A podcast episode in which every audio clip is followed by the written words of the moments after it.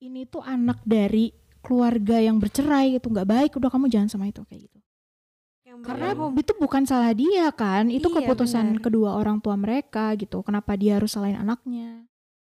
Aku ngerasa apa yang terjadi di kehidupanku ini nggak nggak juga pasti terjadi di kehidupanku yang akan datang gitu. Dulu Mhm. dulu pasti ya pastilah ngerasa kayak ngelihat kayak gini takut nikah takut deket sama Mhm. orang karena Mhm. aku mikir apa semua orang yang berantem itu ujungnya akan cerai gitu kan Hai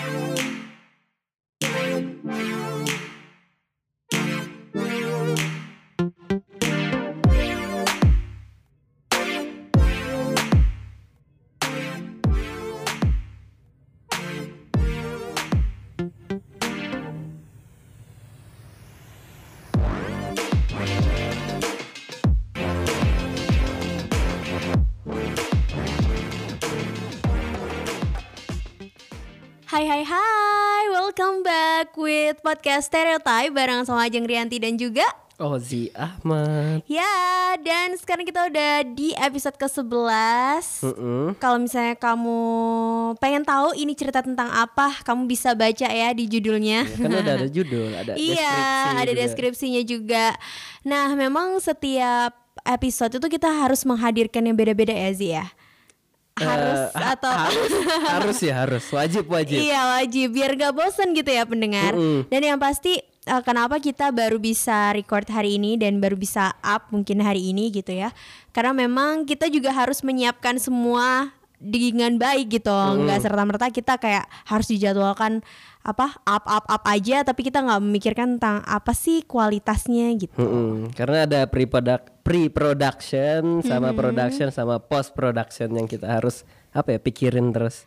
Iya benar banget. Nah di episode kali ini itu juga mengangkat isu yang dekat banget ya sama kita dan ini bahkan terjadi di kehidupan banyak sekali orang dan banyak orang juga yang merasa tidak beruntung gitu karena kejadian ini.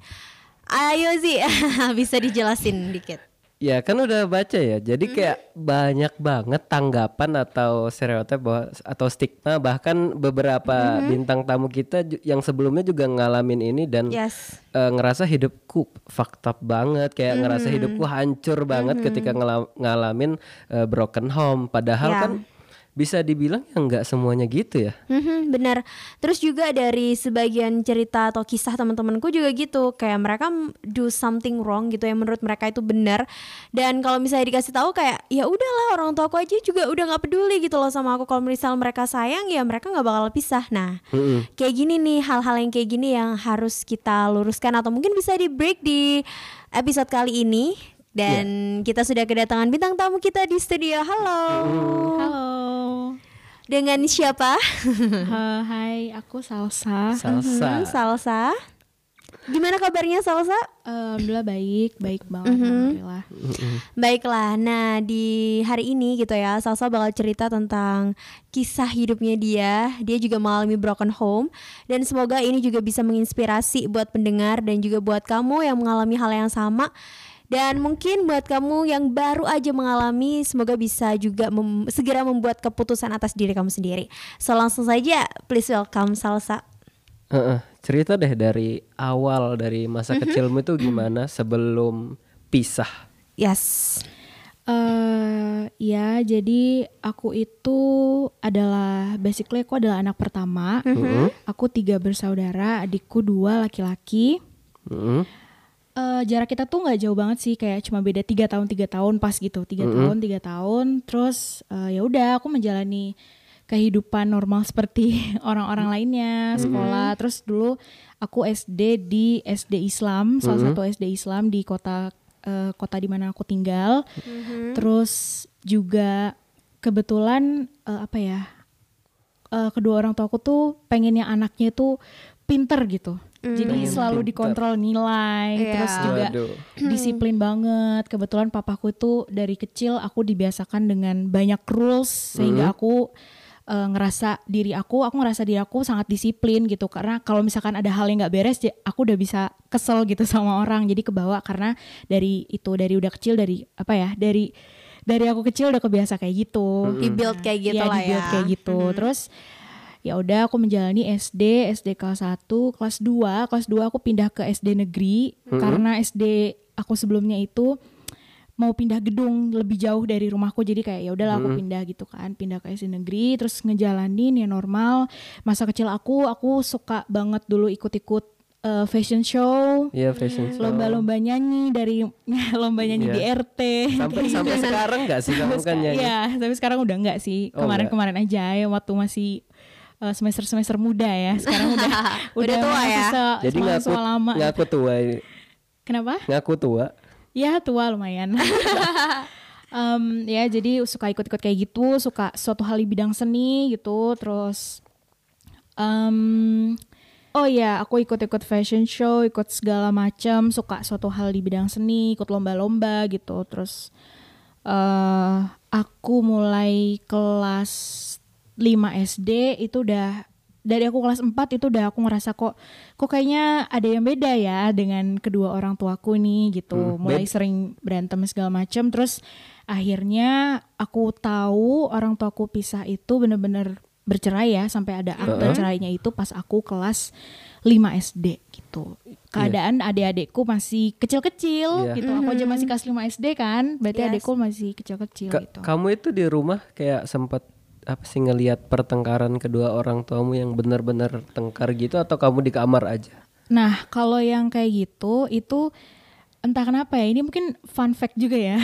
Dulu setiap kayak misalkan ada masalah di mana mama papaku mau mau Berantem? mau berantem nggak juga berantem yang gimana sih? Maksudnya argumen ya, saling adu argumen itu biasanya aku selalu papaku selalu nyuruh mbak yang di rumah untuk kayak mbak tolong ini dibawa keluar dulu atau dibawa ke rumah eyang atau ke mana jadinya aku Oh, iya. sama adik-adikku nggak di rumah. Tapi kalau yang accidentally aku mendengar itu ya beberapa sih. Cuman alhamdulillahnya dari papaku sendiri itu nggak nggak pernah main fisik sih. Maksudnya mau dia berantem sama mamaku gitu ya paling di dialihkan ke benda-benda aja gitu. Mungkin mukul apa, mukul apa. Tapi untuk nyentuh mukul ngapain istri itu nggak pernah sih alhamdulillah gitu. Cuma verbal gitulah, verbal.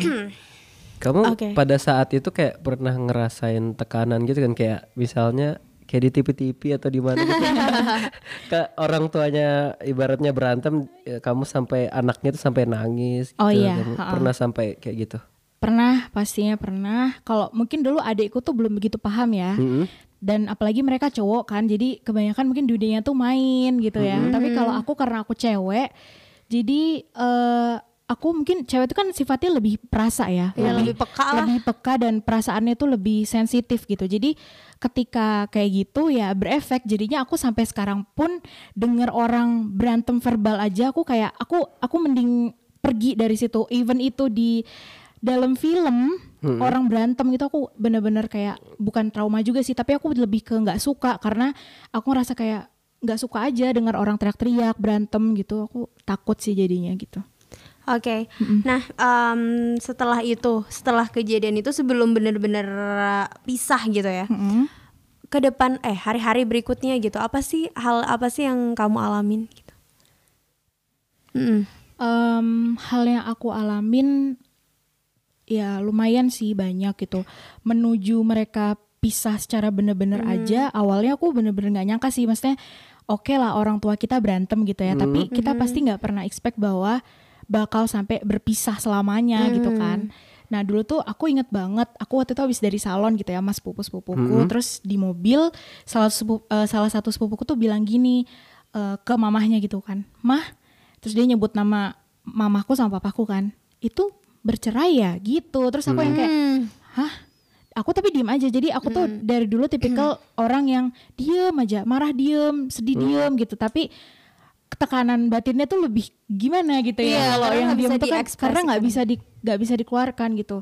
Jadinya dulu ya pas aku denger itu aku jadi yang ini sih jadi pribadi yang lebih sempet di mana aku tuh diem dan suka sendirian bahkan sampai sekarang jadi nggak terlalu suka yang keramaian gitu-gitu. Dan yang pas aku tahu mau apa ya pas orang tua aku mau cerai itu sebenarnya mamaku pernah tanya sih sama aku gitu. Iya. jadi apa namanya mamaku pernah eh, kan ini situasinya aku pernah aku melihat dan merasakan bahwa orang tuaku berantem, terus uh, papaku tidak ada di rumah gitu kan. Terus uh, mamaku pernah, jadi selama aku kecil itu aku menjadi teman curhat mamaku gitu. Sampai apa ya sedet detail cerita-ceritanya gitu. Eh, s- ya sampai aku tahu kayak papaku tuh nggak pulang ada di mana gitu. Aku tahu aku paham gitu. Dan eh apa dan itu kan kadang kita ngelihat kan kayak di rumah ya nggak ada. Jadi di rumah itu ya hanya mama gitu. Jadi apa ya ya jadi udah lama sih sebenarnya eh apa namanya papa nggak papa nggak di rumah gitu. Terus akhirnya mamaku pernah bilang nanya ke aku gimana eh, kak kalau emang mama sama papa cerai gimana ya? Gitu kan. Terus aku yang kayak gue nggak mau nggak mau kenapa harus kayak gitu? Gitu kan. Aku nggak mau aku mati aja kayak gitu aku nggak mau gitu. Terus eh, ya udah gitu. Mungkin aku stres mamaku pasti lebih stres gitu ya. Pasti lebih tekanannya mungkin lebih lebih kuat gitu di mamaku. Dan akhirnya aku udah nggak tahu kabar kelanjutannya. Terus aku yang find out sendiri pas buka lemari itu udah ada akte cerai di situ. Terus mamaku yang sempat eh, mamaku kan ini ya sebelumnya mamaku itu setelah menikah sama papaku itu nggak bekerja. Mm-mm. dulu bekerja eh, di sebuah hotel tapi sekarang udah nggak karena memilih untuk menjadi ibu rumah tangga. Tapi semenjak papaku papaku dan mamaku udah bermasalah mamaku sempet yang kerja di perusahaan masih perusahaan keluarga sih. Cuman mamaku yang jadi kerja gitu kan karena mikirnya ya untuk menghidupi aku dan adik-adikku gitu. Terus akhirnya ya udah jadi aku sempat mikir nih mama mamaku nggak nggak biasanya biasanya kalau kerja pulangnya segini tapi kok ini lebih lama hari ini kok lebih lama. Ternyata setelah aku tahu ya bolak-balik ke pengadilan ke pengadilan agama gitu. Jadi kan pasti kalau sistemnya orang cerai kan kayak gitu kan. Harus datang sidang kayak gitu harus datang kayak gitu-gitu. Dan aku ya sih mamaku nggak ngomong sih keputusan akhirnya gimana tapi aku yang nemu Mencari, sendiri itu. oke. udah ada akte cerai gitu di dalam apa lemari baju gitu pas buka-buka. Keti- Ketika kamu tahu apa ya orang tuaku pisah nih, kamu pernah kayak ngamuk gitu atau uh, nggak terima sama keadaan sampai sampai kan biasanya ada beberapa orang sampai pergi dari rumah sampai kayak ngamuk-ngamuk. Kamu pada saat itu eh, tetap stay di rumah atau gimana? Hmm, pada kejadian itu karena yang aku rasakan adalah eh jadi aku sebenarnya kalau kaget dengan perubahan mungkin nggak terlalu karena posisinya papaku pada saat itu udah jarang di rumah gitu. Jadi aku udah ngerasa ada yang aneh gitu. Jadi ketika mereka resmi bercerai eh ya keadaan yang aku lihat di rumah sebenarnya sama aja. Jadi aku hanya aku adik-adikku, pembantu dan mama gitu kan. Tapi eh, semenjak yang benar-benar pisah itu papaku sempat yang ke Surabaya ke mana yang aku lama nggak ketemu gitu-gitu sih. Ka- kayak ngerasa kangen gitu kan lama nggak ketemu sama papa gitu. Terus kalau perasaan denial dan marah sama dunia sama bahkan sama Tuhan gitu Iya. itu pasti ada lah. Karena eh, itu pasti ada banget. Karena sebelumnya kan waktu kecil aku walaupun nggak lama tapi aku mengalami mengalami apa ya mengalami dan menjalani kehidupan yang normal-normal aja bahkan bahagia banget gitu terus tiba-tiba berubah dan ya gitu sih Um, nah, kamu sendiri tahu gak sih kayak alasan yang mendasari kedua orang tua kamu bercerai gitu? Tapi so, Em, mm-mm. Oke, jadi eh, pasti sebagai anak, apalagi aku anak pertama ya, bertanya-tanya gitu, kenapa sih mereka sampai bercerai? Kenapa sih eh, permasalahan itu se- serumit apa sampai nggak bisa diselesaikan dengan baik-baik gitu? Ya awal aku bertanya-tanya dan setiap aku tanya eh, apa ya, papaku selalu bilang nanti saat dewasa kamu akan tahu gitu. Tapi kalau dari mamaku sendiri eh, apa ya alasannya mereka pisah ya karena apa ya dari apa yang aku lihat sih lebih yang mungkin kecocokannya hilang mungkin rasa cintanya mereka hilang dengan berbagai keadaan gitu dengan mungkin ya gitulah banyak yang terjadi. Terus entah kenapa jadi suka berantem jadi hal kecil dipermasalahkan gitu. Jadi apa ya dulu juga sempat papaku tuh jadi sangat temperamen gitu orangnya. Sedikit-sedikit ya jadi masalah gitu sih. Karena aku juga ngelihat langsung kan di rumah tuh kayak gimana ngerasain gitu. Gitu sih. Oke. untuk alasan exactnya mungkin aku mungkin hanya mereka berdua sih yang tahu gitu itu alasan yang kamu tahu gitu ya, yang sampai mereka bisa memutuskan untuk berpisah gitu. Nah, eh, dari kamu sendiri tahu nggak sih sebenarnya core permasalahan atau kayak em, siapa biasanya kan kalau dalam hubungan kan pasti ada yang sedang memperjuangkan dan bertahan, Iya. siapa yang udah kayak aduh nggak deh capek kayaknya hubungan ini udah nggak bisa diterusin lagi karena permasalahannya terus terjadi gitu. Kamu tahu Iya. nggak itu? Eh, iya, aku tahu dan keanehan itu sebenarnya terjadi di papaku sih sebenarnya ya. Eh, pada saat itu memang keadaan pekerjaannya papaku mungkin lagi sangat jaya-jayanya lah ibaratnya di tahun berapa dia udah hobi yang gonta-ganti mobil yang kayak gitu-gitu kan. Nah, mungkin kalau aku pribadi aku mikir positifnya aja mungkin pada saat itu hilaf dan eh, tidak ini ya tidak kuat menahan iman akan akan Iya. godaan yang terjadi gitu di sekelilingnya gitu. Itu karena ya aku melihat juga sih dan mengalami gitu. Aku jadi kayak aku jadi sama mamaku suka ngebahas itu juga sih zaman zaman dulu aku masih kecil itu gitu. Kayak sempat cari tahu ini eh, si si tante ini itu siapa sih gitu kenal di mana sih dan kok bisa gitu. Sedang dia sama papaku sedang sedang mamaku sama papaku waktu itu masih ini sih belum belum bisa gitu Eh, ibaratnya proses gitu. iya nggak proses sih sem- ya Masih masih pada saat ini pada saat Suami istri. suami istri gitu belum proses cerai Hmm. Kamu pernah ketemu nggak sama si tante ini? kalau si tante ini yang yang ada pada saat orang tuaku pisah ini dulu aku kenalnya nggak sih sebelumnya aku belum pernah tahu gitu cuma tahu nama dan tahu oh dia orang apa gitu gitu aja sih Oke, tadi kan di belakang kamu bilang bahwa kamu pernah dijemput dan ternyata itu bukan mama kamu. Oh iya, jadi ada kejadian di mana aku itu, aku nih sering main ya sama sepupu-sepupuku kan. Aku tuh hidup berdampingan dengan dengan mereka dari kecil sampai sampai hingga sekarang deket pun kalau ketemu tuh udah kayak sisters gitu. Padahal kita sepupuan gitu kan. Jadi dulu aku main di salah satu rumah eh, sepupuku. Terus ya udah main. Dan waktu itu aku mau dijemput malamnya. Jadi nggak nginep gitu kan. Um, waktu itu nggak mau nginep terus malamnya dijemput. Dijemput sama papa tapi ya udah biasanya kalau papa jemput tuh biasanya papa nunggu aja di mobil nggak keluar. Kayak udah nggak ini klakson aja biar aku keluar rumah gitu kan dah. Nah aku tuh excited banget gitu kan. Aku dari jauh ngeliat kayak apa ada di depan tuh kayak perempuan gitu. Aku pikir mama aku udah kayak mama gitu kan. Terus pas masuk ternyata kok bukan dan aku nggak tahu gitu kayak ini siapa? gitu kan ini siapa? gitu. Aku aku bener-bener nggak tahu sama sekali nih ini tante siapa? gitu. Dan ya udah aku masuk mobil aku duduk di belakang. Terus eh, papaku tuh kayak bilang ini kenalin ini tante ini gitu kan. Terus aku diem aja diem karena kayak aku nggak suka. Kayak walaupun aku masih kecil tapi aku tahu apa yang dilakukan papaku tuh aku nggak suka gitu. Karena itu menyakiti mamaku. Aku mikir gitu kan. Karena mamamu sering cerita sama kamu ya gitu. Iya gitu. Tapi aku sebelumnya bener-bener nggak tahu nih yang perempuan ini tuh siapa gitu kan. Terus akhirnya ya udah di mobil tuh papaku yang kayak kamu mau apa, mau beli apa? gitu. Selalu kayak mau belanja apa, mau shopping apa? gitu kan. Aku kan suka yang beli-beli perintilan kayak kotak pensil baru yang lucu-lucu gitu. Suka kan Terus kayak udah ditanyain kamu mau ini baru mau ini baru? Aku diem bener-bener diem. Terus akhirnya aku pulang aku pulang papaku ngedrop doang. Jadi papaku pergi gitu kan.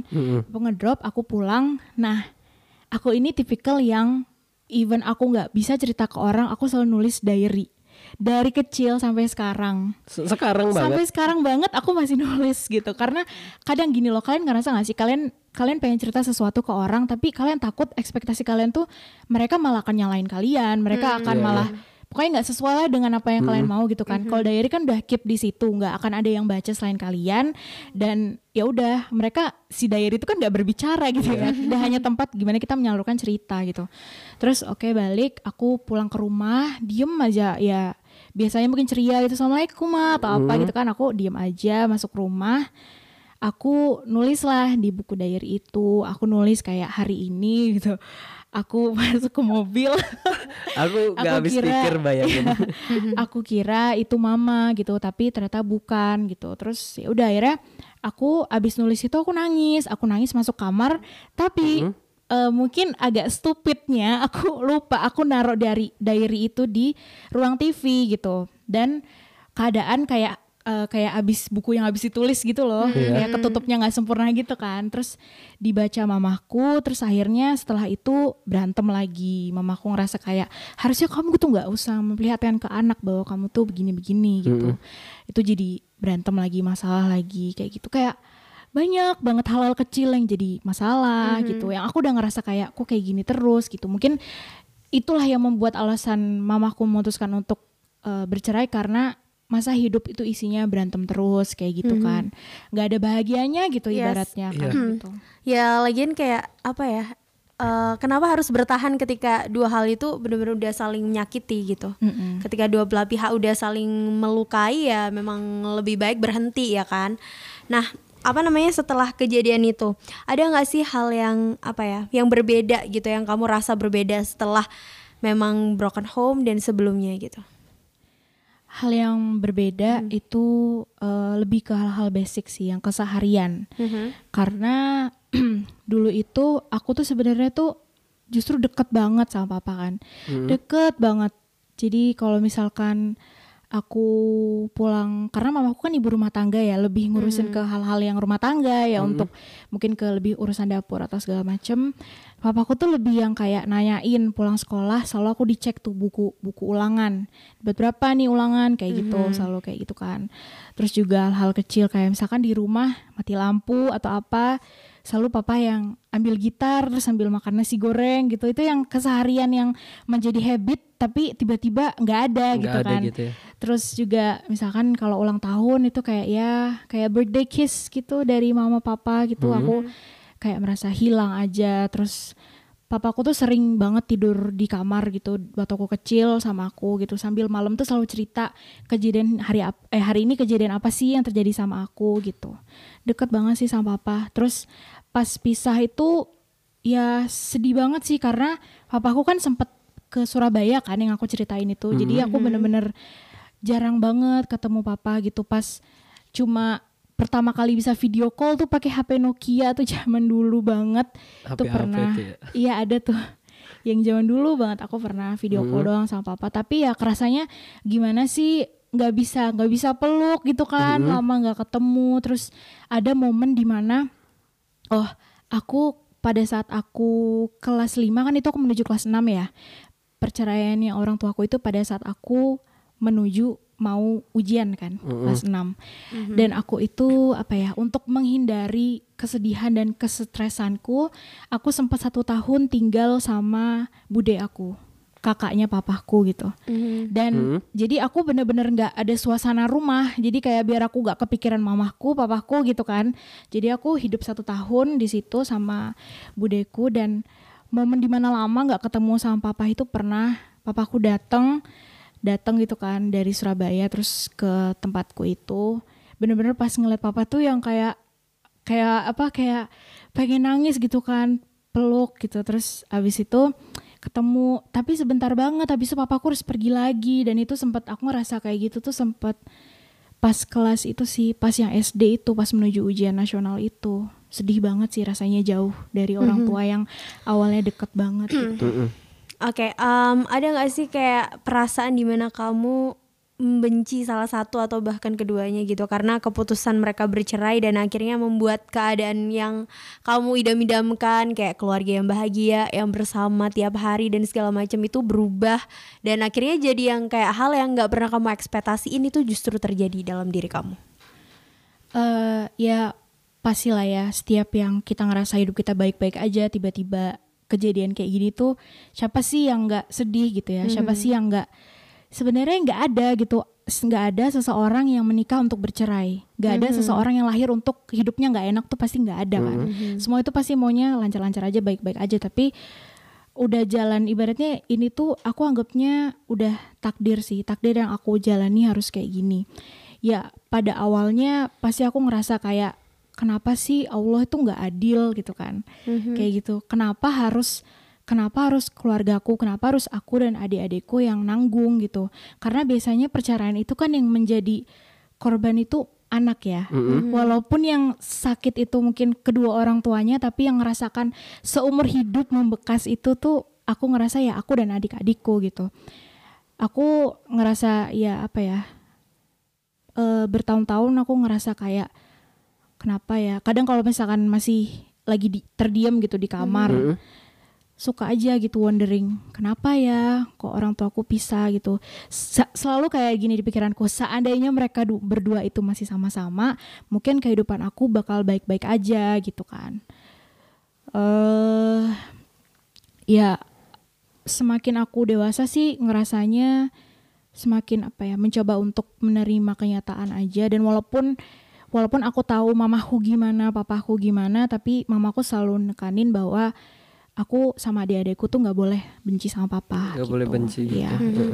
Jadi kan kayak teman-temanku nih banyak broken home dan Iya. dia kayak ngerasa aku nggak peduli lagi sama orang tua aku, aku Mm-mm. apa sih nakal terus sampai lari ke barang-barang terlarang dan segala Iya, macam. iya, banyak Nah, banget. Iya, kamu kamu pada saat itu pernah berpikir atau sampai untuk melakukan itu atau gimana gak? eh kalau aku sendiri sih untuk melakukan hal-hal yang negatif itu ya Mhm. pasti dari pasti waktu kecil waktu belum ngerti banget mungkin berpikir kayak apakah dengan aku apakah dengan aku mati aja semua permasalahan ini aku lupa gitu loh. Apakah apakah dengan aku nggak hidup aja jadi aku kayak lupa oh ternyata keluargaku tuh pisah ternyata hidupku tuh seperti ini ini tuh aku mikir kayak gitu dulu pernah gitu. Tapi again nggak tahu kenapa sih apa ya aku ngerasa mungkin karena juga mamaku selalu selalu memberikan aku pengetahuan dan ilmu agama ya. Jadi yang membuat aku kuat bahwa seburuk-buruk masalahmu apa pun ya kamu harus terima bahwa itu udah yang terbaik dari Allah gitu sih. Walaupun ya aku sempet kesel lah sampai sekarang pun kadang masih aja ada masalah yang terjadi between mereka yang aku tuh kayak aku bingung papaku begini ngomong ke aku tapi mamaku begini terus aku di tengah-tengah ini harus gimana? Itu tuh kadang masih terjadi gitu. Kadang kayak kapan sih ini tuh berakhirnya gitu kadang. Tapi nggak nggak setiap hari sih cuman ada di waktu di mana hal kayak gitu tuh kejadian kan. Itu yang membuat aku kayak capek dengan semua ini capek gitu. Tapi ya itulah momen di mana aku ngerasa kayak gitu biasanya temporary aja sih. Ada saat di mana kayak aku sadar bahwa oh ya udah aku nggak boleh kayak gini. Kalau aku memperburuk keadaan ya baiknya apa? gitu. Kalau aku malah berbuat yang negatif malah tambah memalukan keluargaku lah gitu. Ibaratnya hal kayak gini aja kan udah satu hal yang apa ya it's not a small thing gitu loh ya. Hal ini tuh terjadi tuh sangat berimpact luar biasa gitu kehidupanku. Apalagi kalau aku menjadi yang ibaratnya aku menjadi eh, kasarannya aku menjadi yang berandal gitu yang bodoh amat aku sampai kabur dari rumah segala macam kayak gitu ya bisa aja terjadi tapi aku memilih untuk aku nggak mau ngelakuin hal itu gitu. Demi karena aku sayang orang tua aku sih Oke. aku tahu mereka nama baik mereka bakal coreng banget kalau aku ngelakuin hal-hal buruk gitu Hmm, jadi kadang circle juga bisa mempengaruhi ya. Emang emang didikannya juga sih. Iya, didikan juga dan apa ya kayak uh, pemikirannya dia itu dibuild dari kecil yang kayak gitu. Beda lagi dengan orang yang udah kayak uh, mikirnya udah nggak sejauh itu bahkan kayak ya udah sakit hati ya sakit hati aja Iya, gitu ya kan. Marah ya marah aja kayak gitu. Oke, uh, lanjut deh. Tadi aku udah sempet tanya kan di awal kayak perubahan Iya. apa sih yang signifikan kamu alami gitu setelah perceraian itu terjadi atau at- dengan sebelum perceraian itu terjadi. Kalau perubahan sebelum dan setelah perceraian terjadi, em, ya lumayan banyak sih, terutama kalau menurut aku yang sangat-sangat terbesar nih ya, itu pola kehidupan sih dan financial gitu. Finansial. Jadi eh, dulu tuh sebenarnya mama papaku bukan yang emang dari awal udah sangat-sangat mampu gitu nggak juga. Jadi emang dari awal gitu terus eh, papaku tuh seorang pengusaha dulu, emang dia punya ini, punya company. Terus ada di masa kita itu awal aku kecil sih ya masih yang kayak hidupnya biasa gitu kan. Semakin lama semakin kerja terus mungkin papaku nabung segala macem kita aku ngerasain hidup enak gitu terus pelan-pelan gitu kan bener dari bawah naik naik naik naik gitu. Terus pas kelas 5 itu sebenarnya pas perceraian itu justru di mana aku ngerasa justru kehidupan ekonomi keluarga kita tuh lagi bener-bener enak banget gitu. Kayak pertama kalinya nih aku punya kamar sendiri yang bener-bener aku boleh desain sama aku papaku kayak kamu pengen warna apa? gitu-gitu. Aku ngerasa ya ngerasa kayak eh, ibaratnya hidup aku alhamdulillah ngerasa enak gitu. Terus Mhm. eh, habis itu ketika pisah aku harus mengalami yaitu turun lagi. Aku mengalami turun lagi dari dari rumah yang ibaratnya tingkat jadi balik ke Heeh. rumah kecil gitu. Bahkan akhirnya rumah kecil itu harus pindah lagi ke rumah yang lebih kecil lagi sampai ibaratnya lemari pakaian aja yang dulu di kamar itu nggak muat masuk ke kamar yang sekarang gitu. Kayak furniturnya terlalu besar untuk di rumah yang kecil gitu.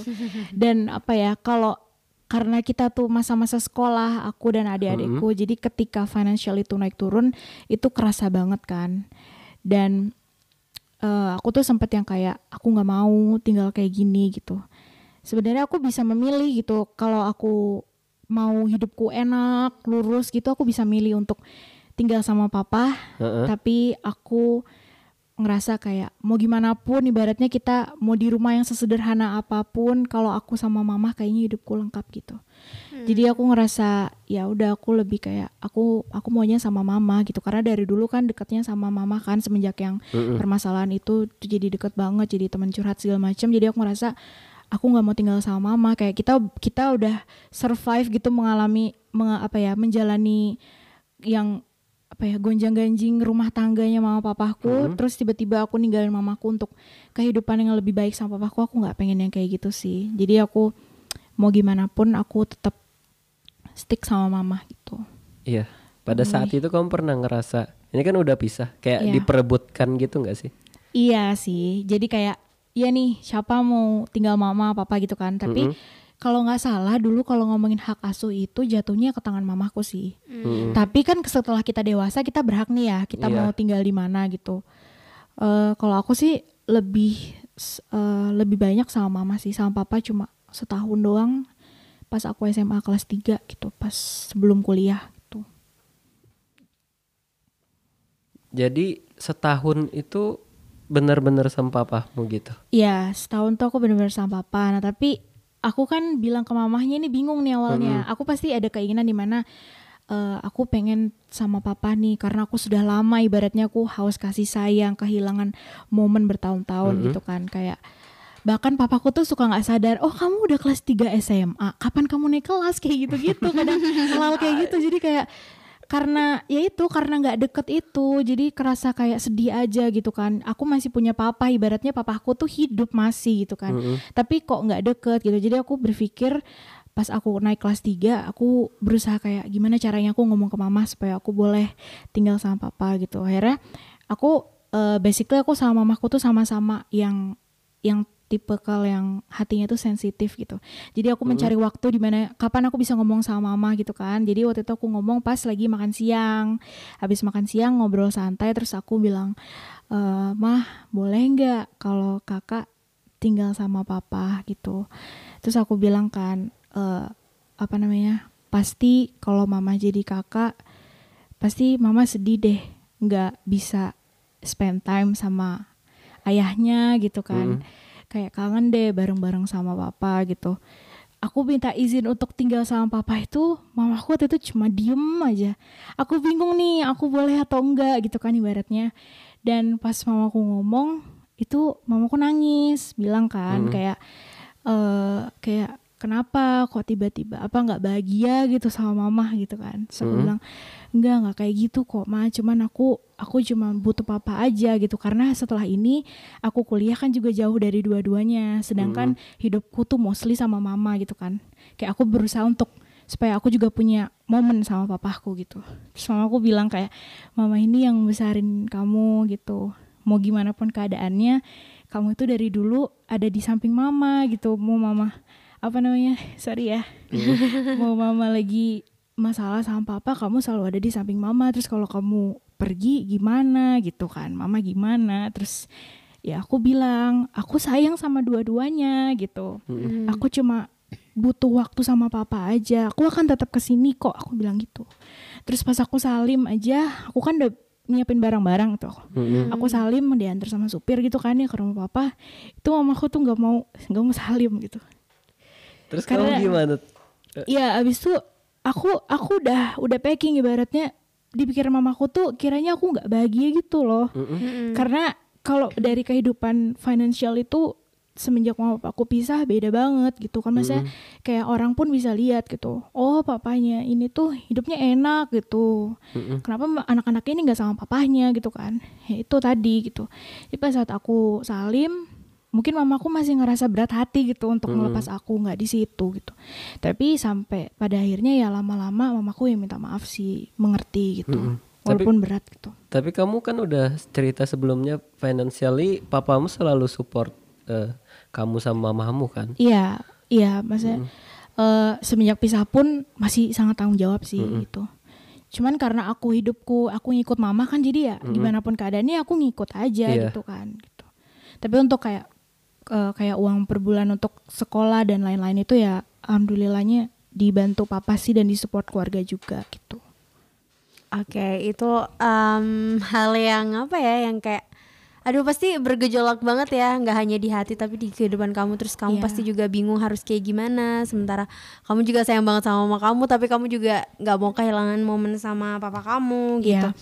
Terus ada nggak sih hal-hal yang apa ya, kayak sempet kamu tuh denial sama diri kamu sendiri gitu, bahwasannya kamu tuh sebenarnya masih sakit hati nih sama papa kamu karena papa kamu kayak gitu ke mama kamu. Tapi di mana kamu juga harus bersikap dewasa gitu. Ada nggak momen yang kayak gitu? Iya, pasti. Bahkan sampai sekarang sih. eh Aku kadang itu nggak sadar gitu. Jadi Mm-mm. kan biasanya kalau sekarang udah zamannya WhatsApp itu ada grup keluarga ya. Iya. Aku dulu pernah buat gitu. Aku pernah buat. Aku invite mama, invite papa. Terus akhirnya aku ditegur lah sama papa kayak nggak nggak baik kamu buat kayak buat buat grup kayak gini terus aku coba pikiran aja kenapa gitu orang-orang punya grup kayak gini kok kenapa aku nggak boleh terus Mm-mm. ya itu papaku bilang kamu harus sadar mama sama papa itu udah nggak sama-sama gitu kadang itu sih yang kayak masih masih ngerasa kenapa jadi banyak beberapa eh nggak banyak sih ada beberapa hal yang aku nggak bisa ngelakuin kayak orang-orang lain gitu aku nggak bisa liburan bareng aku nggak bisa ini pun wisuda nanti aku bingung nih yang datang siapa dan kayak gimana aku tuh bingung gitu kan Mm-mm. Terus ya itu grup keluarga juga gak mungkin bisa dibuat gitu. Walaupun isinya cuma ngomongin isinya aku misalkan sama adik-adikku gitu. Tapi papaku nggak mau gitu. Karena ngerasain tuh nggak baik sih. Em, kamu pernah nggak meminta gitu sama kedua orang tua kamu kayak satu momen di mana kamu tuh pengen deh mereka itu ada di satu hal yang apa ya satu event yang sama gitu kayak Iya. kan ada nih kayak temenku waktu dulu waktu kita wisuda SMA gitu dia bener-bener yang kayak mohon sama kedua orang tuanya untuk datang bersama gitu karena ya gimana pun itu momen momennya dia gitu loh dia pengen di sana itu komplit kamu pernah nggak meminta kayak gitu Pernah. Jadi tapi kalau menurutku kalau untuk wisuda karena eh, sama-sama orang tuaku berada di kota yang berbeda sama aku sekarang. Jadi aku siapa pun yang datang, even itu tanteku nggak apa-apa lah gitu. Aku nggak memaksa mereka harus dua-duanya datang. Tapi aku bermohonnya pada saat nanti aku nikah, yaitu aku pengen ada mama, papa gitu. Pengen ada mereka berdua lah gitu di momen yang sama. Karena itu momen apa ya ibaratnya pelepasan kan. Kita udah nggak ji- udah apa ya udah jadi tanggung jawab orang lain itu ya itu apalagi aku kan eh, perempuan kan wali nikahnya pasti ayah kandungnya kan gitu. Dan aku berharapnya mereka berdua masih sehat-sehat masih bisa datang gitu. Kayak Kamu gitu sih. kamu tahap sampai kayak ya udah sih gitu eh, pas kapan gitu. Kayak udah nerima semua ini. pas udah nerima semua ini pas momen kuliah sih karena kalau misalkan aku pas SMA SMP kan masih tinggal di sana ya Mm-mm. kuliah kan aku udah hidup jauh dan aku ngerasa banget kayak wah ternyata survive sendirian itu rasanya kayak gini gitu kan aku ngerasa lebih lebih ibaratnya lebih tenang dan lebih apa ya lebih ngerasa ya udahlah terima aja mungkin ini emang jalannya kayak gini gitu. Mungkin emang aku harus ngejalanin di mana ya aku hidup dan dibesarkan pada keadaan yang berbeda dengan orang-orang yang lain gitu. Keadaan di mana mama papaku nggak bersama tapi gimana caranya aku harus tetap bisa jadi orang yang sukses aku harus bisa tetap jadi orang yang baik yang taat dan sayang sayang sama orang tuanya mau gimana pun keadaannya gitu Oke, berarti sekarang kamu udah bisa mulai menerima ya, iya dan udah bisa mulai apa ya kayak ibaratnya ya udahlah hal ini memang harusnya terjadi kayak gini gitu. Oke, aku mau nanya sedikit deh, terus gimana sama adik-adik kamu? eh adik-adik aku yang dua itu ya yang Mm, dua adik itu kandung kamu? adik kandung aku laki-laki dua itu eh kalau yang adikku yang pertama itu karena umurnya nggak terlalu jauh sama aku dan pada saat keadaan orang tuaku pisah dia dia nggak kecil-kecil banget sih. Jadi dia udah merasakan menjalani beberapa tahun hidup dengan mama papa. Tapi Mhm. aku kadang kasihan sama adikku yang kedua ini gitu. Dia masih kecil banget terus nggak ngerti apa-apa ibaratnya. Terus tiba-tiba mama papanya udah nggak sama-sama lagi gitu tuh aku lebih ke yang ini sih kayak aku kalau ingat-ingat adikku yang kedua itu sedih gitu kayaknya kasihan gitu dianya ngerasainnya Oke, nah em, setelah lulus nanti kamu mau ikut siapa atau mungkin kamu mau sendiri? Ah, ya ini jadi eh, apa yang terjadi di hidupku ini berpengaruh dengan keputusanku Iya, ya di masa benar. depan. Setelah lulus aku berusaha untuk nggak balik sih. Mungkin orang kebanyakan kayak pengen pulang ke kampung Yes. halamannya, bekerja di sana, hidup balik dengan orang tuanya. Mm-mm. Kalau aku eh, memilih untuk kayaknya aku jangan balik deh. Jangan balik. Karena aku harus menjaga hati mamaku, papaku. Aku harus bisa ibaratnya kalau aku di sana, kalau aku pulang pun ya yang per semester ini kan biasanya aku Mhm. pulang itu ngerasa kayak eh, nggak puas hati gitu. Aku takut orang tuaku ketika aku di mama berapa hari papaku ngerasa kok dia lebih ke mamanya gitu. Mm-mm. Ketika aku di papahnya lama, mamaku kayak ngerasa ya udah di papa ya terus ya kayak gitu. Jadi kayak itu tuh ngebuat aku yang sebagai anak tuh bingung, Kayak bingung dan mentally- iya ya gitu. mentally tired gitu Iya. bener-bener mentally tired belum lagi nanti pas lagi tante-tanteku dateng, eyangku juga aku nggak pernah main di eyang, aku nggak pernah tidur di rumah eyang kayak gitu tuh membuat aku kayak aku harus bagi ini, belum teman-teman ya ngajak reuni ala-ala, ayo jalan, reuni. jalan gitu.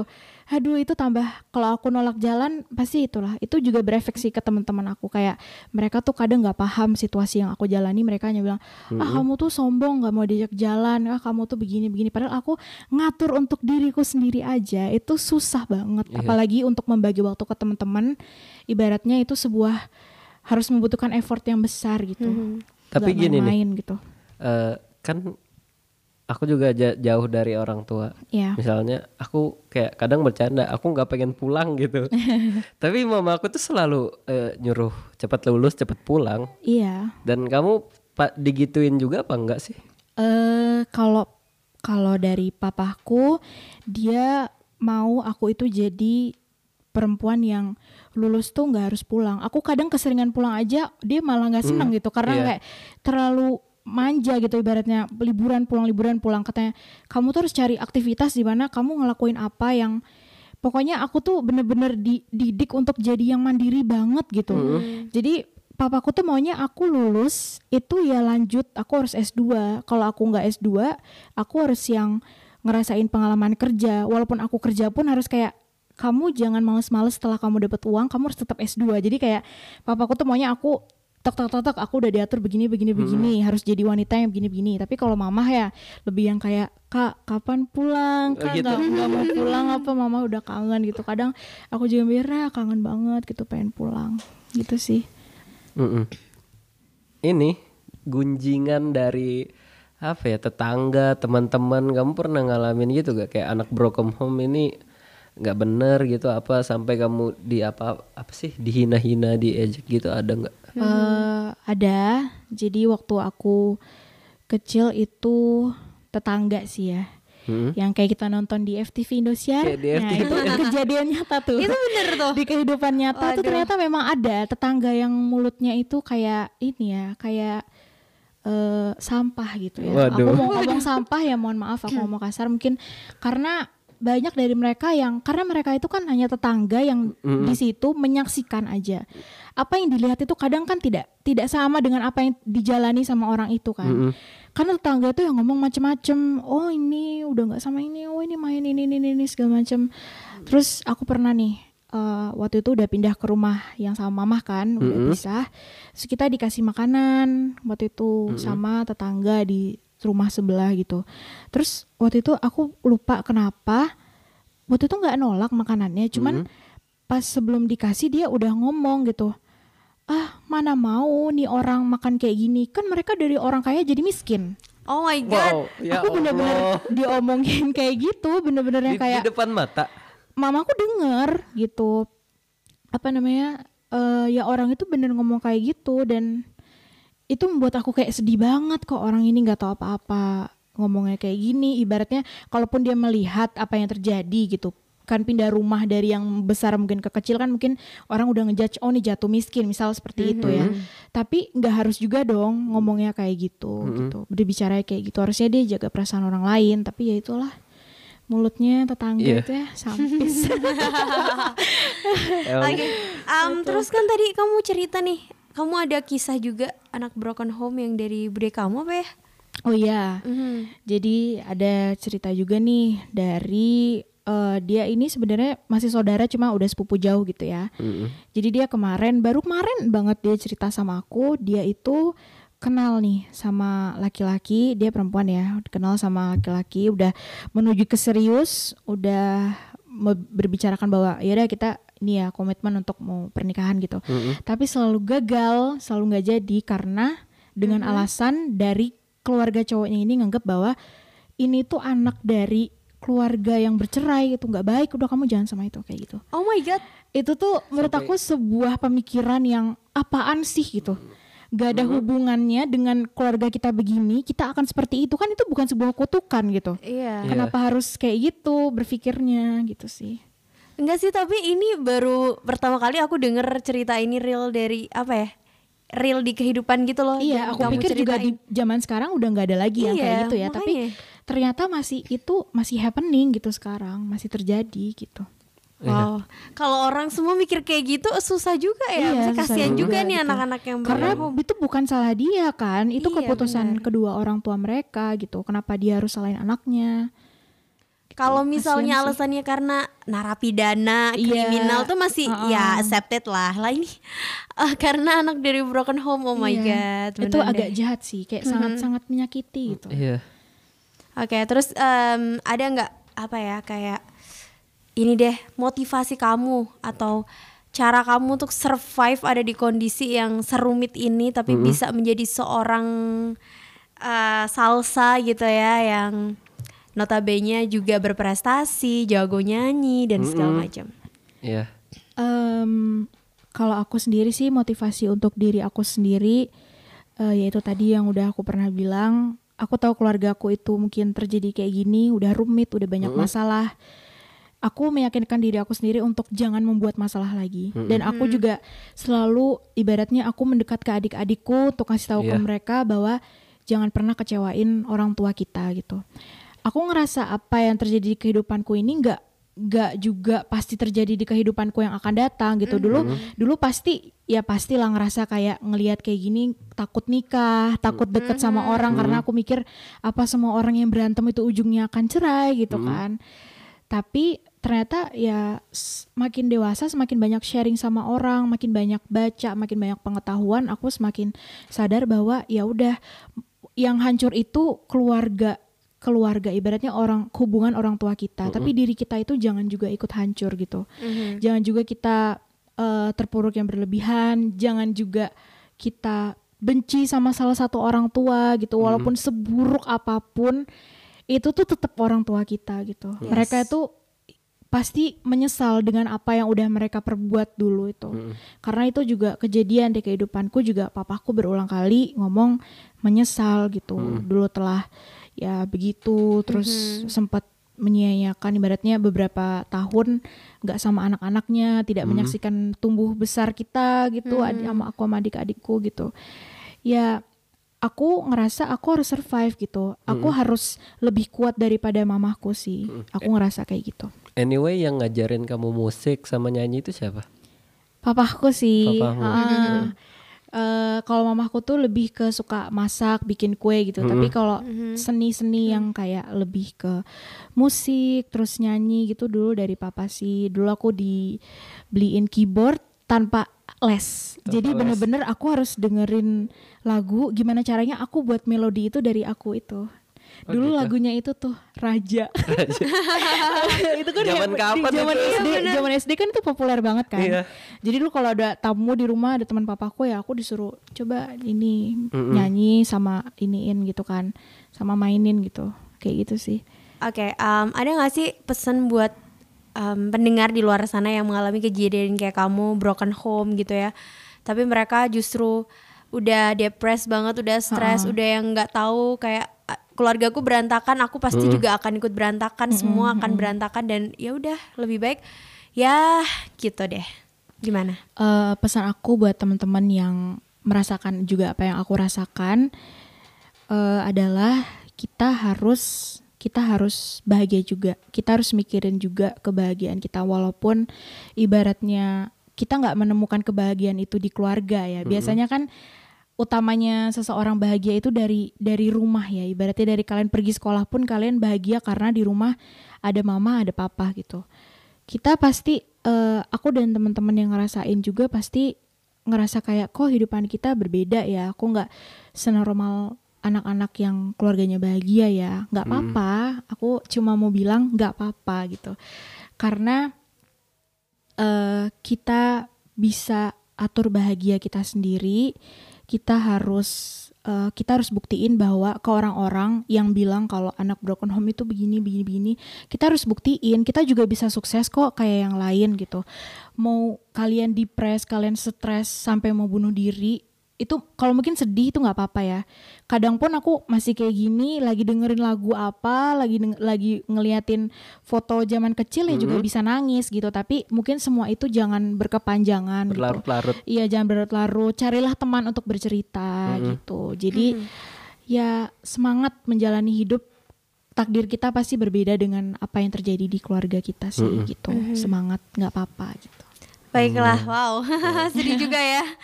Oke, em, sebelum kita tutup, ada nggak Salsa yang mau disampaikan? The last, Hmm, Terakhir. terakhir banget. kalau ini didengar sama mama ya, Iya. eh aku mau nyampein aja eh ya pasti berterima kasih lah ya sebagai anak udah di udah dididik itu udah ditemani dari kecil sampai eh, sekarang udah dewasa udah mau lulus ya insya Allah tahun ini kita lulus ya Amin. Amin. Eh, yang rasanya berterima kasih sih apa yang udah diperbuat mama gitu dengan apa yang terjadi di kehidupanku dengan apa yang terjadi sama keluargaku peran mama itu kayak besar banget di ke- eh, di kehidupan aku walaupun sama-sama perempuan gitu tapi karena kebiasaan mandiri jadi sekarang aja aku dari apa ya aku semenjak ngekos ngangkat galon aja bisa sendiri loh. Ke dispenser hebat kan? Maksudnya Hebat, hebat, hebat. laki-laki gitu. Nyalain genset bisa sendiri. Jadi Bisa. karena di rumah ngerasa nggak ada papa gitu kan. Jadi apa pun itu kata mamaku kita walaupun perempuan harus bisa semuanya gitu. Mm-mm. eh itu terus eh, makasih buat mama udah udah ibaratnya mama udah membentuk kakak jadi pribadi yang eh kalau bisa dibilang mungkin tahan banting ya Strong dengan lah. strong banget gitu. Woman crush. dari apa dari apa yang udah kejadi dari apa yang kita udah lewati sama-sama jatuh bangun seneng-seneng saat saat apa ya ibaratnya bisa momen di mana bisa makan apa aja sampai pernah di momen di mana bingung mau makan apa yang kayak Hmm. gitu-gitu yang itulah mamaku tuh aku ngerasa eh, mama tuh segalanya lah ibaratnya pembentuk pribadi yang kuat gitu yang selalu nekanin bahwa jangan pernah benci orang tua Mm-mm. walaupun mungkin mamaku kan pasti ada momen di mana kesel ya sama papaku gitu Mm-mm. tapi selalu habis itu mama bilang itu eh tapi kalian jangan benci ya sama papa kayak gitu jadi aku ngerasa aku harus sayang sama dua-duanya Mm-mm. kayak gitu sih Wow.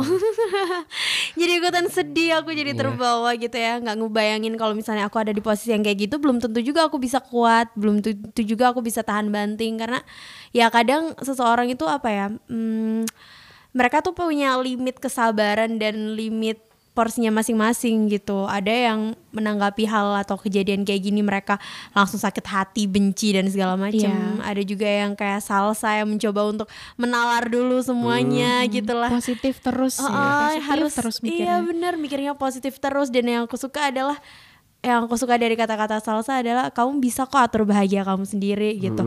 Even keluarga kita hancur belum itu tidak menjamin kita juga harus hancur gitu.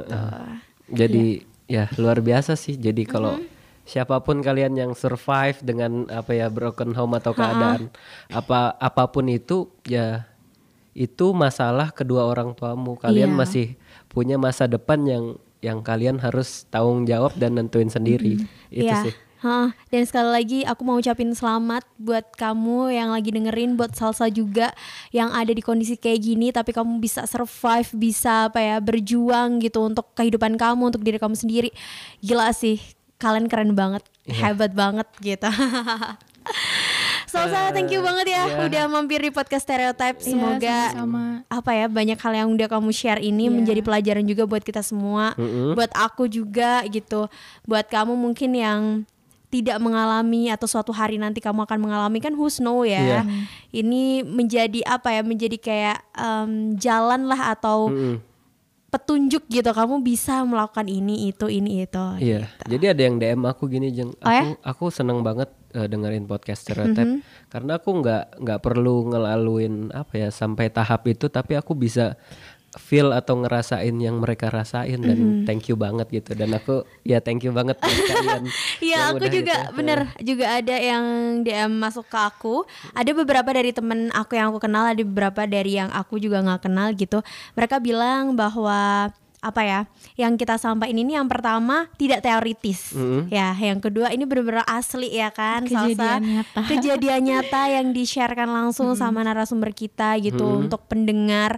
Dan semoga banyak hal juga yang bisa ditangkap sama pendengar. Dan yang pasti isu-isu yang kita bawakan adalah isu-isu yang masih dekat dengan kita gitu. Jadi benar-benar yang mereka kayak bisa membayangkan, bisa berekspektasi bahkan ada yang mengalami kejadian yang sama jadi tahu oh jadi kalau misalnya aku kayak gini nih eh, nanti hasilnya kayak gini kalau aku melakukan ini jalan keluarnya kayak gini Mm-mm. Mungkin ada yang mau disampaikan lagi? Ini Salsa? ada nih aku lupa, sorry. Eh, ini untuk orang-orang di luar sana yang Yes. menganggap bahwa anak yang dibesarkan dari keluarga broken home itu buruk. yes Itu tolong itu pikiran kayak gitu dijauhkan ya karena pertama itu menyakiti kita yang sebagai kita ini eh, anak dari yang keluarga seperti ini gitu. Kedua itu nggak akan ngaruh ke kehidupan selanjutnya. Ibaratnya Yes. ketika kamu menganggap bahwa oh anak ini anak broken home buruk, jangan jangan langsung judge kayak gitu. Harusnya deketi dulu, cari tahu kenapa nih alasannya kenapa nih gitu. Karena ya itu pengalaman aku yang tadi teman aku itu yang sampai nggak jadi nikah gara-gara hal kayak gitu doang. Menurut aku pemikiran kayak gitu perlu dibuang jauh-jauh sih. ya Iya. Ya kan?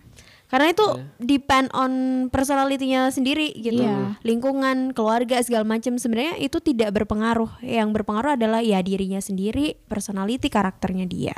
Mm-mm. Ada lagi sih? Ya, mungkin terakhir disclaimer kayak eh, beberapa hal aku pengen nyampein yang kita sampaikan ini cerita murni dari cerita narasumber kita. Dan we are not key opinion leaders. Yes, kita mm-mm. kita bukan seorang yang expert dalam psikologi dalam apa pun yang kita bahas. Ya kita cuma pengen nyampein cerita. Ya semoga cerita yang kita sampaikan itu bisa mendapatkan perspektif lain sih. Kita nggak pengen kita benar atau kalian salah atau gitu atau gimana kita cuma pengen cerita udah Sharing gitu. aja gitu sharing ya. aja Sharing dan mungkin ada pers- perspektif lain dari perspektif yang kebanyakan. Heeh. Mhm. Baiklah dan sekali lagi aku juga mau ngucapin terima kasih buat kamu semua yang udah dengerin podcast Stereotype, yang udah DM kita, yang udah uh, nge-emailin kita. Kita benar-benar seneng banget dan excited banget. Dan kalau misalnya kamu punya cerita atau punya kisah yang bisa di-sharekan, langsung aja kamu bisa uh, email di podcaststereotype@gmail.com. dan kita juga pengen ngucapin terima kasih buat Izena Sunanda yang udah support kita di Artworks dan ya UB Radio Host Production yang Yes. ya kita bisa record sampai sekarang ya di sini. Mhm. Akhirnya kita berdua harus pamit undur diri. Salsa, thank you banget sekali lagi sudah mampir. Ah, aku yang makasih. Iya. Senang bisa sharing sama semuanya. Yes, woman crush banget emang kalau kata-katanya kayak gitu. Iya. Baiklah, aku Ajeng Rianti. Iya, saya Ozi Ahmad. Ya, sampai ketemu di episode 12. See you. Bye. -bye. bye.